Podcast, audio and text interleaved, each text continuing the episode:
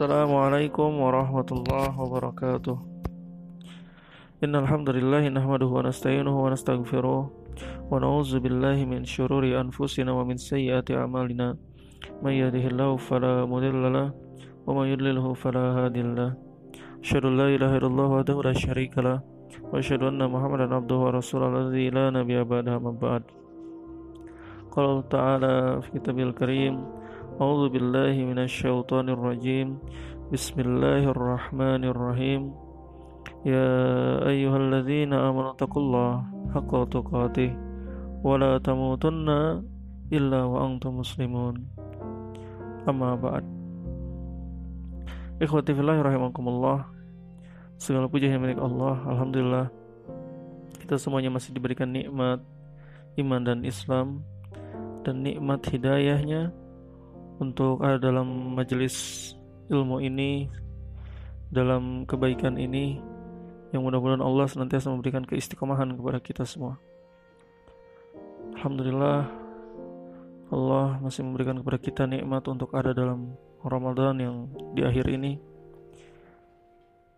Dari diri pribadi anak, anak ingin mengungkapkan menyampaikan taqabbalallahu minna wa minkum siyamana wa siyamakum qulu amin wa antum bi khairin Semoga Allah menerima setiap amal yang kita lakukan, kebaikan yang telah kita lakukan di bulan Ramadan. Baik saum kita dalam ibadahnya, kiam kita di Ramadan, dan semoga kita ada dalam kebaikan di masa pandemi corona seperti sekarang ini.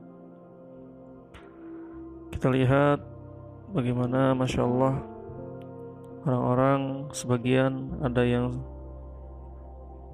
tidak peduli dengan protokol kesehatan. Tapi khawatir Allah itu tidak menjadikan kita juga tidak peduli dengan keadaan. Ketika yang lain tidak peduli, kita lah yang harus peduli. Ketika orang ada yang berbuat buruk, kita yang harus berbuat baik dan mengajak kepada kebaikan.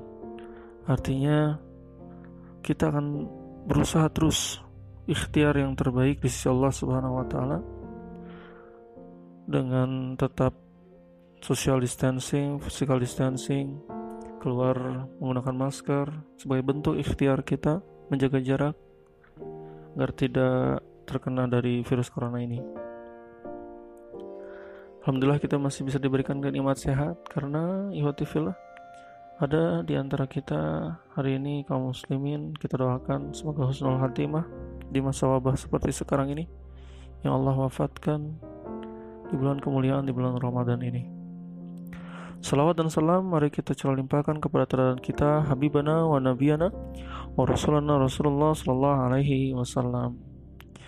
Di tema kajian kita kali ini akan membahas tentang kisah para pemuda yang terkenal dalam buku Fikih Tarbiyatul Abna wa Ta'ifah min Nasai al-Attiba karya Syekh Mustafa Ladawi bagaimana Nabi mendidik anak. Di tema kita kali ini, di penghujung Ramadan kita kali ini, insya Allah akan membahas tentang kisah-kisah para pemuda yang terkenal. Banyak di antara hikmah yang bisa kita dapatkan bagaimana eh, pemuda-pemuda uh, ini ya Allah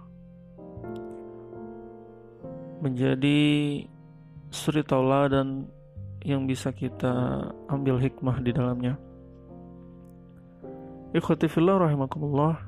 Kisah yang pertama adalah kisah dari Nabi Ibrahim alaihissalam. Allah Jalla Jalaluhu berfirman, أعوذ بالله من الشيطان الرجيم بسم الله الرحمن الرحيم قالوا سمعنا فتى يذكرهم يقال له إبراهيم Dalam Quran Surat Al-Anbiya ayat 60 Mereka berkata Qalu sami'na fata mereka berkata, kami dengar ada seorang pemuda yang mencela berhala-berhala ini. Yazkuruhum yuqalu lahu Ibrahim yang bernama Ibrahim.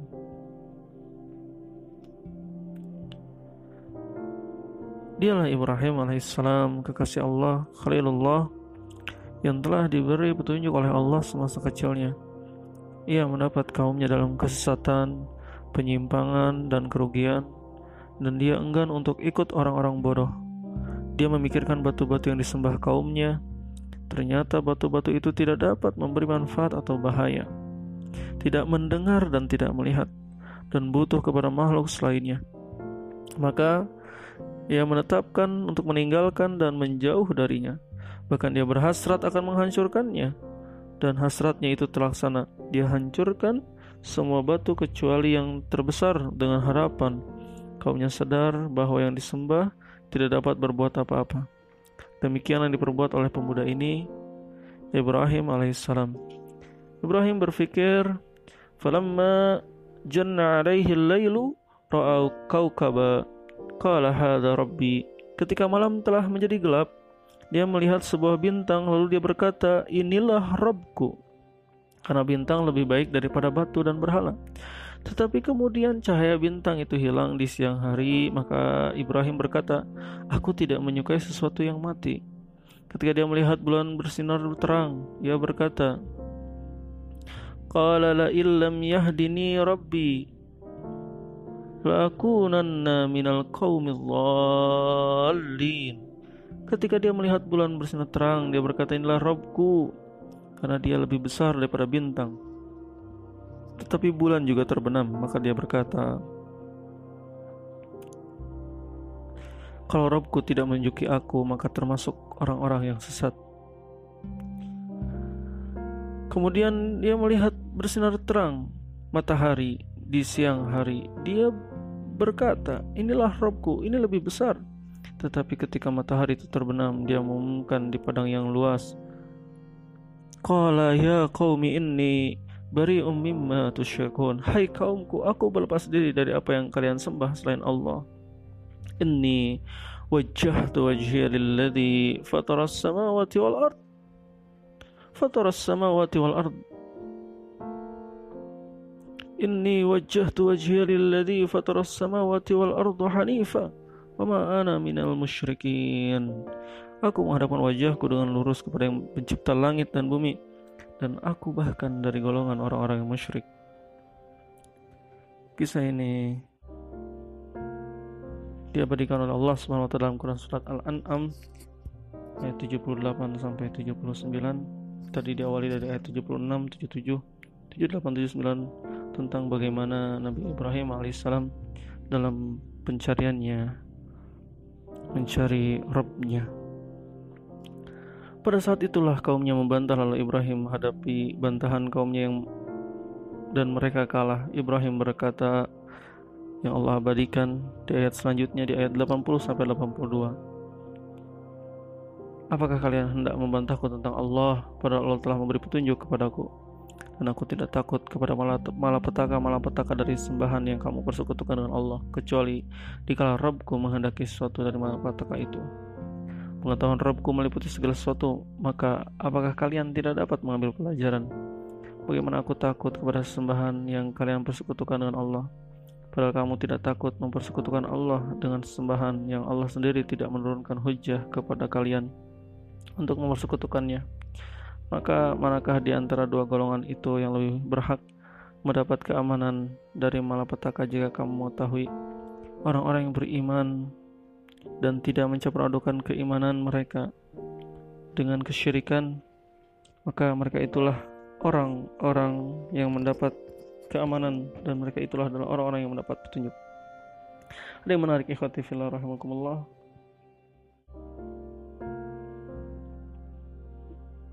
di ayat ini kita diingatkan afala tatadakkarun apakah kalian tidak dapat mengambil pelajaran semisal di masa pandemi seperti sekarang ini kita sedang ramai disampaikan tentang berdamai dengan virus corona ini padahal sudah jelas dalam Islam untuk menjaga satu jiwa saja begitu pentingnya. Kita lari bukan karena takut dengan corona, tapi kita lari dari virus uh, corona ini adalah salah satu bentuk ikhtiar kita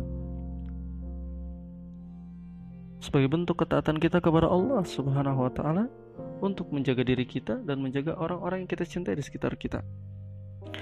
Ikhwati fillah rahimakumullah.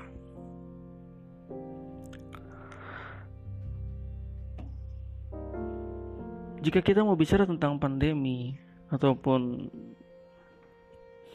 virus yang terjadi di muka bumi ini, maka dulu pun pernah terjadi rahimakumullah. Dan ini harus jadi pembelajaran kepada kita semuanya. Dan dalam sejarah Allah, pandemi terparah dalam sejarah itu adalah flu Spanyol yang terjadi pada tahun 1918. Flu ini berlangsung selama dua tahun dalam tiga gelombang serangan. Tercatat 500 juta orang terinfeksi dan 50 100 juta kematian. Namun, sebagian besar kematian terjadi di gelombang kedua. Ketika masyarakat sudah sangat merasa tidak nyaman dengan karantina, dan jarak sosial ketika mereka diperbolehkan keluar Fatifillah ketika mereka diperbolehkan keluar rumah lagi Masyarakat berbondong-bondong merayakannya dengan sukacita di jalan-jalan. Beberapa minggu kemudian serangan gelombang kedua terjadi dengan puluhan juta kematian. Jadi Fatifillah kita mau belajar dari sejarah atau mau mengulang sejarah?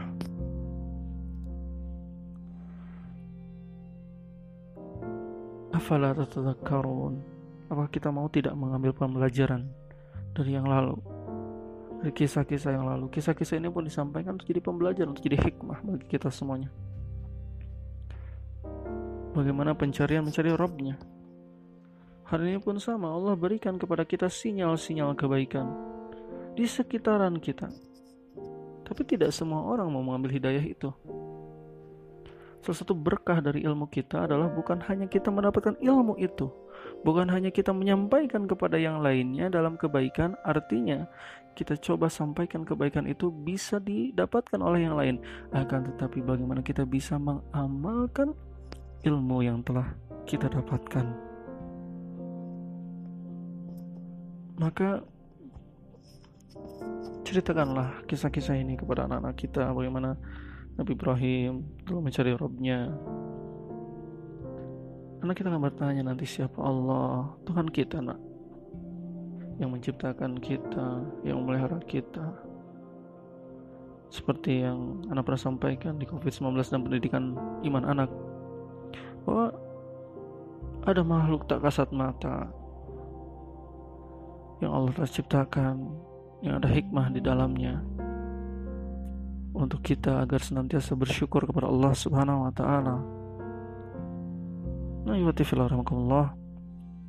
Demikian pun dengan kisah Nabi Ibrahim. Dikatakan Ibrahim alaihissalam dia tidak mau mengekor begitu saja, dia tidak mau mengekor kesesatan ayahnya dan melakukan kebatilan kaumnya. Bahkan sebaliknya dia menasihati dan memperingatkan mereka. Ini pun menjadi pembelajaran bagi kita di masa sekarang di masa pandemi sekarang. Ada pilihan-pilihan yang bisa kita lakukan apakah kita mau menjadi bagian yang uh, solusi dari masalah? Atau kita bagian dari masalah itu sendiri? Bukan tidak boleh keluar ya tapi tetap menjaga protokol kesehatan. Bukan semata-mata kita seolah-olah misalkan soal-soalan ataupun apa dan bagaimana. Akan tetapi ini menjadi pembelajaran hikmah yang besar bagi kita. Hari ini pun umat sedang diuji bagaimana tentang kerinduannya ke tempat ibadah masjid? Bukan sekali lagi tidak boleh sholat di masjid di kecuali dengan ketika zonanya adalah termasuk zona hijau. Ketika seperti anak di sini adalah zona merah yang hari-harinya tidak nampak terlihat justru orang ini apakah terkenal atau tidaknya dengan virusnya? Maka kehati-hatian itu harus jauh lebih besar keilmuan dihadirkan untuk kita agar mau belajar mengambil pembelajaran. Tapi ternyata tidak semua mau mengambil pelajaran itu. Itulah hati-hati ya Allah jangan sampai agama ini jadi fitnah. Ketika orang hari ini melakukan ibadah di zona merah lalu ada yang terkena dengan wabah maka seolah-olah agama tidak ada peranan untuk menjaga umatnya. Maka izah kita sebagai seorang muslim dan muslimah ini adalah perjuangan kita, kesabaran kita insya Allah Allah akan balas dengan sebaik-baiknya balasan. Di pertemuan berikut uh, pertemuan sebelumnya ya Rahmatullah telah menyampaikan tentang kisah bagaimana Nabi Ibrahim dengan sangat lembutnya menyampaikan kepada ayahnya wahai ayahku Mengapa engkau menyembah sesuatu yang tidak dapat mendengar, melihat dan tidak dapat memenuhi kebutuhanmu sedikit pun? Hai ayahku. Jadi Nabi Ibrahim begitu lembut kepada ayahnya memberikan nilai-nilai kebenaran kepada ayahnya dan ini menjadi adab kita sebagai anak kepada orang tua ketika menyampaikan suatu kebaikan itu bentuknya bukan nasihat tapi bentuknya adalah tanazul artinya kita merendah. Sekalipun sebenarnya itu adalah nasihat tapi kita harus rendah. Kita harus sebagai anak kepada orang tua hormat kepada orang tuanya. Sekalipun orang tuanya melakukan sebuah keburukan sekalipun bayangkan ini ayahnya Nabi Ibrahim itu melakukan kesyirikan dosa besar tapi lihat bagaimana lembutnya Nabi Ibrahim alaihissalam yang Allah maktubkan dalam Quran surat Maryam ayat 42 sampai 45. Bagaimana Nabi Ibrahim alaihissalam ikhwatifillah menyampaikan dengan lembut, wahai ayahku, wahai ayahku, masya Allah. Lalu apa yang didapatkan Nabi Ibrahim alaihissalam? Ancaman dari ayahnya tetapi Nabi Ibrahim alaihissalam tidak mempedulikan ancaman itu dan tidak akan kembali kepada kebatilan. Ini yang terbaik ya Tifillah. Afala tatadzakkarun? Apakah kita tidak bisa mengambil pelajaran? Apakah kita tidak mau mengambil pelajaran dari kisah-kisah yang terdahulu? Sehingga kita sadar betul di sini, masya Allah, nilai-nilai dan yang kokoh akan memunculkan? Tentunya dibarengi ilmu kemurnian dalam ibadah dan tegaknya akhlakul karimah. Maka ya rahimakumullah dalam Quran surat Maryam ayat 46 lanjutannya. Di kajian sebelumnya Anda pernah sampaikan ayahnya dengan tegas menyampaikan apakah kamu membenci sembahan-sembahanku hai Ibrahim Bila kamu tidak berhenti dari mereka mencela sembahan-sembahanku, maka aku akan merajam kamu dan tinggalkanlah aku dalam waktu yang lama.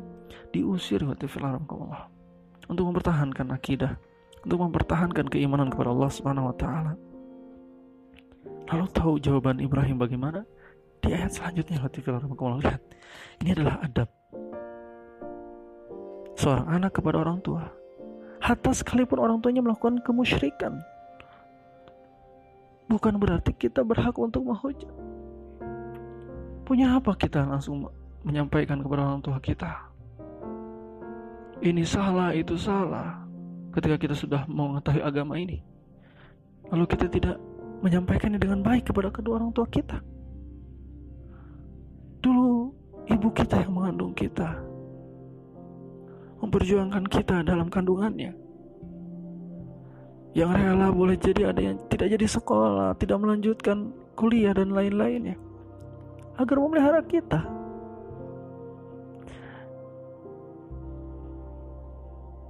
Dengan gelar-gelarnya, keilmuannya untuk tetap di rumah untuk kita, kecintaan kepada kita anaknya. Lalu setelah dewasa,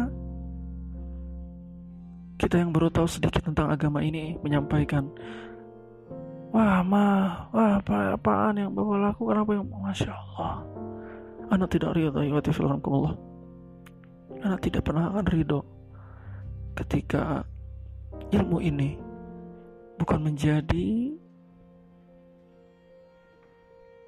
nilai kebaikan dan adab kepada kedua orang tua tapi justru malah sebaliknya. Kita diajarkan oleh Nabi Ibrahim alaihissalam lihat bagaimana jawabannya? Qala salamun alaik. Semoga keselamatan tercurah kepadamu. Coba ya Fillah ini adalah adab sebagai seorang anak kepada ayah.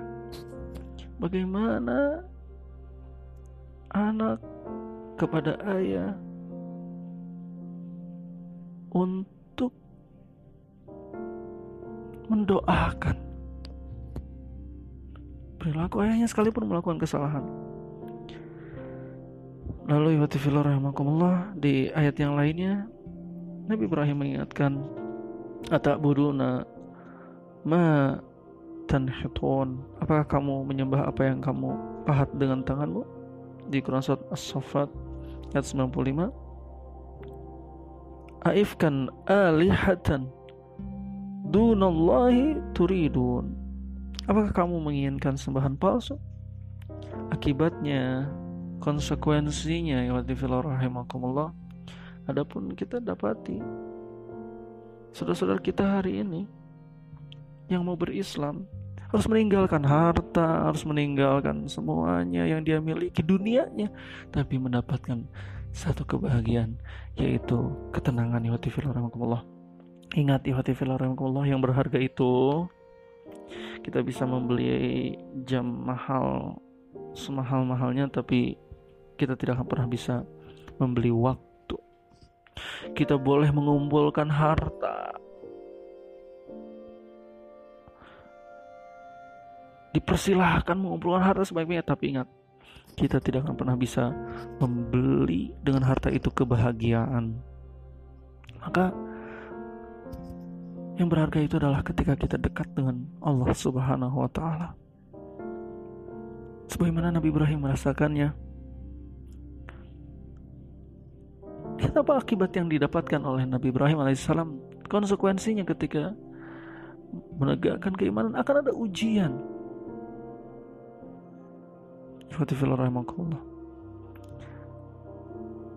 dalam Quran surat Al-Ankabut jelas Allah sampaikan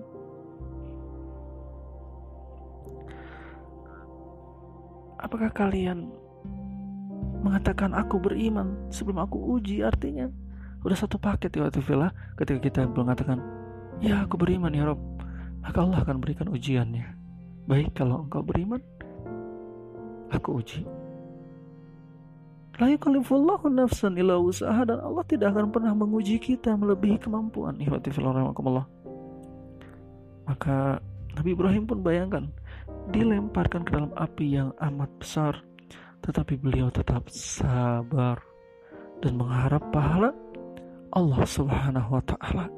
Saya berucap ihwatifillah ini ini yang bisa kita tanamkan dalam hati kita hari ini di masa wabah seperti sekarang pandemi corona ini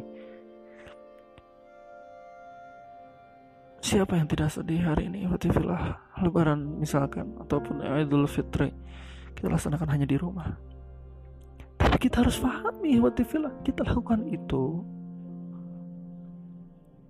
Bukan karena tidaknya kita mau taat kepada Allah Melainkan justru ini adalah salah satu cara Agar kita menjaga saudara-saudara kita yang kita cintai di mana pun berada Agar kita senantiasa dekat dengannya Dekat dengannya kita baru rasakan nikmat ketika dekat jarak. Kita baru merasakan sekarang betapa nikmatnya ketika bernikmat bertemu. Maka ini yang diingatkan dan diajarkan oleh Nabi Ibrahim alaihissalam. Beliau menyampaikan, Hasbiyallahu wa ni'mal wakil. Di dalam riwayat Bukhari di nomor 4564 dari hadis Ibnu Abbas Nabi Ibrahim menyampaikan hasbiyallahu wa ni'mal wakil Allah lah yang mencukupiku dan dia sebaik-baik penolong maka Allah menyelamatkan Nabi Ibrahim dari api itu dan menjadikannya dingin baginya. Nabi Ibrahim kemudian memutuskan hijrah keluar dari negerinya dan berpisah dari kaum dan kerabatnya karena mereka tidak seagama dan sejalan dengannya. Lalu Nabi Ibrahim berkata ini Zahibun ila rabbi sayahdin Rabbi habli minas salihin. Aku pergi kepada Rabbku yang menunjukiku. Ya Allah jadikanlah aku termasuk orang-orang yang saleh. Artinya ya Allah Ketika ada sebuah kebatilan, keburukan. Ada selanjutnya adalah kita hijrah. Maknanya hijrah itu adalah Secara maknanya adalah intikal minal makanin ila makanin akhar. Pergi dari satu tempat ke tempat yang lainnya tapi secara makna yang maknawinya hijrah itu adalah pindahnya kita dari keburukan menuju kepada kebaikan. Dan dari kebaikan menuju kebaikan yang lebih baik. Maka Nabi Ibrahim pun keluar dari negerinya maka Allah pun menolongnya dan menjaga dan menguatkan hatinya dan dia menjadi imam bagi orang-orang yang bertakwa. Ikhwati fillah rahimahullah ada beberapa pelajaran di sini tentang kisah-kisah para pemuda ini yang ana lihat memang tidak bisa ana ceritakan uh, secara langsung di satu waktu mengenai kajian terbiatul abna ini insyaallah ya ikhwati fillah rahimahullah ikhwati fillah rahimahullah ini bukan kajian yang terakhir mungkin dalam artian terakhir di bulan Ramadan ya tapi setelah Syawal, insya Allah kita akan lanjutkan eh, tema-tema uh, kita ke depan yang mudah-mudahan tidak berkurang dari berkahnya kajian kita insya Allah dan kita tetap berharap suatu waktu suatu hari Allah pertemukan kita bukan hanya di grup WhatsApp tapi Allah pertemukan kita nanti di majelis-majelis ilmu yang tentunya dalam kebaikan dan bukan hanya di majelis ilmu itu tapi Allah pertemukan kita nanti di surganya Allah Subhanahu wa taala. Sekali lagi anak ingin menyampaikan selama kajian anak memohon maaf jika ada salah kata, salah ucap. Sekali lagi jika ada suatu kesalahan apa pun yang disampaikan itu murni kesalahan dari dari pribadi anak dan jika ada sesuatu yang benar yang baik yang ikhwati Allah bisa mendapatkan hikmah di dalamnya itu bukan karena kata-kata anak ataupun dari yang anak sampaikan melainkan itu adalah karunia dari Allah Subhanahu wa taala. Untuk kita semuanya itu bentuknya hidayah petunjuk dari Allah Subhanahu wa taala untuk kita semuanya.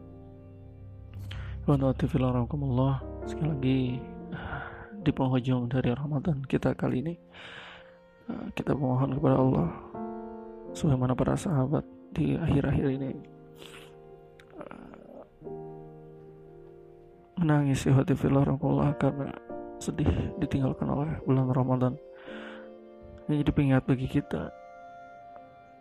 Jika kita cinta Ramadan maka amalan kita akan selesai seiring selesainya Ramadan.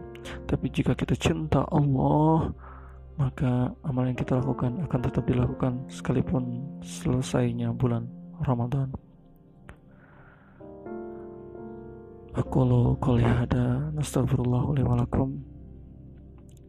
Semoga bermanfaat ya Allah. Jika ikhwatifillah setuju insya Allah kajian ini akan tetap kita langsungkan di bulan syawal lanjutannya. Barakallahu fikum taqabbalallahu minna wa minkum Siamana wa siamakum kulu amin wa antum bi khair Semoga Allah menerima amal kebaikan kita, salam kita dan semoga Allah berikan sepanjang tahun kita dalam kebaikan dan semoga Allah angkat wabah virus corona ini dan kita kembali kepada new normal normal yang terbaru untuk kita bisa saling menjaga dan bisa belajar dari hikmah yang telah Allah berikan kepada kita semuanya. Dan mudah-mudahan kita termasuk orang-orang yang mau mengambil pelajaran dari apa yang sudah terjadi sehingga kita termasuk orang-orang yang beruntung. Wassalamualaikum warahmatullahi wabarakatuh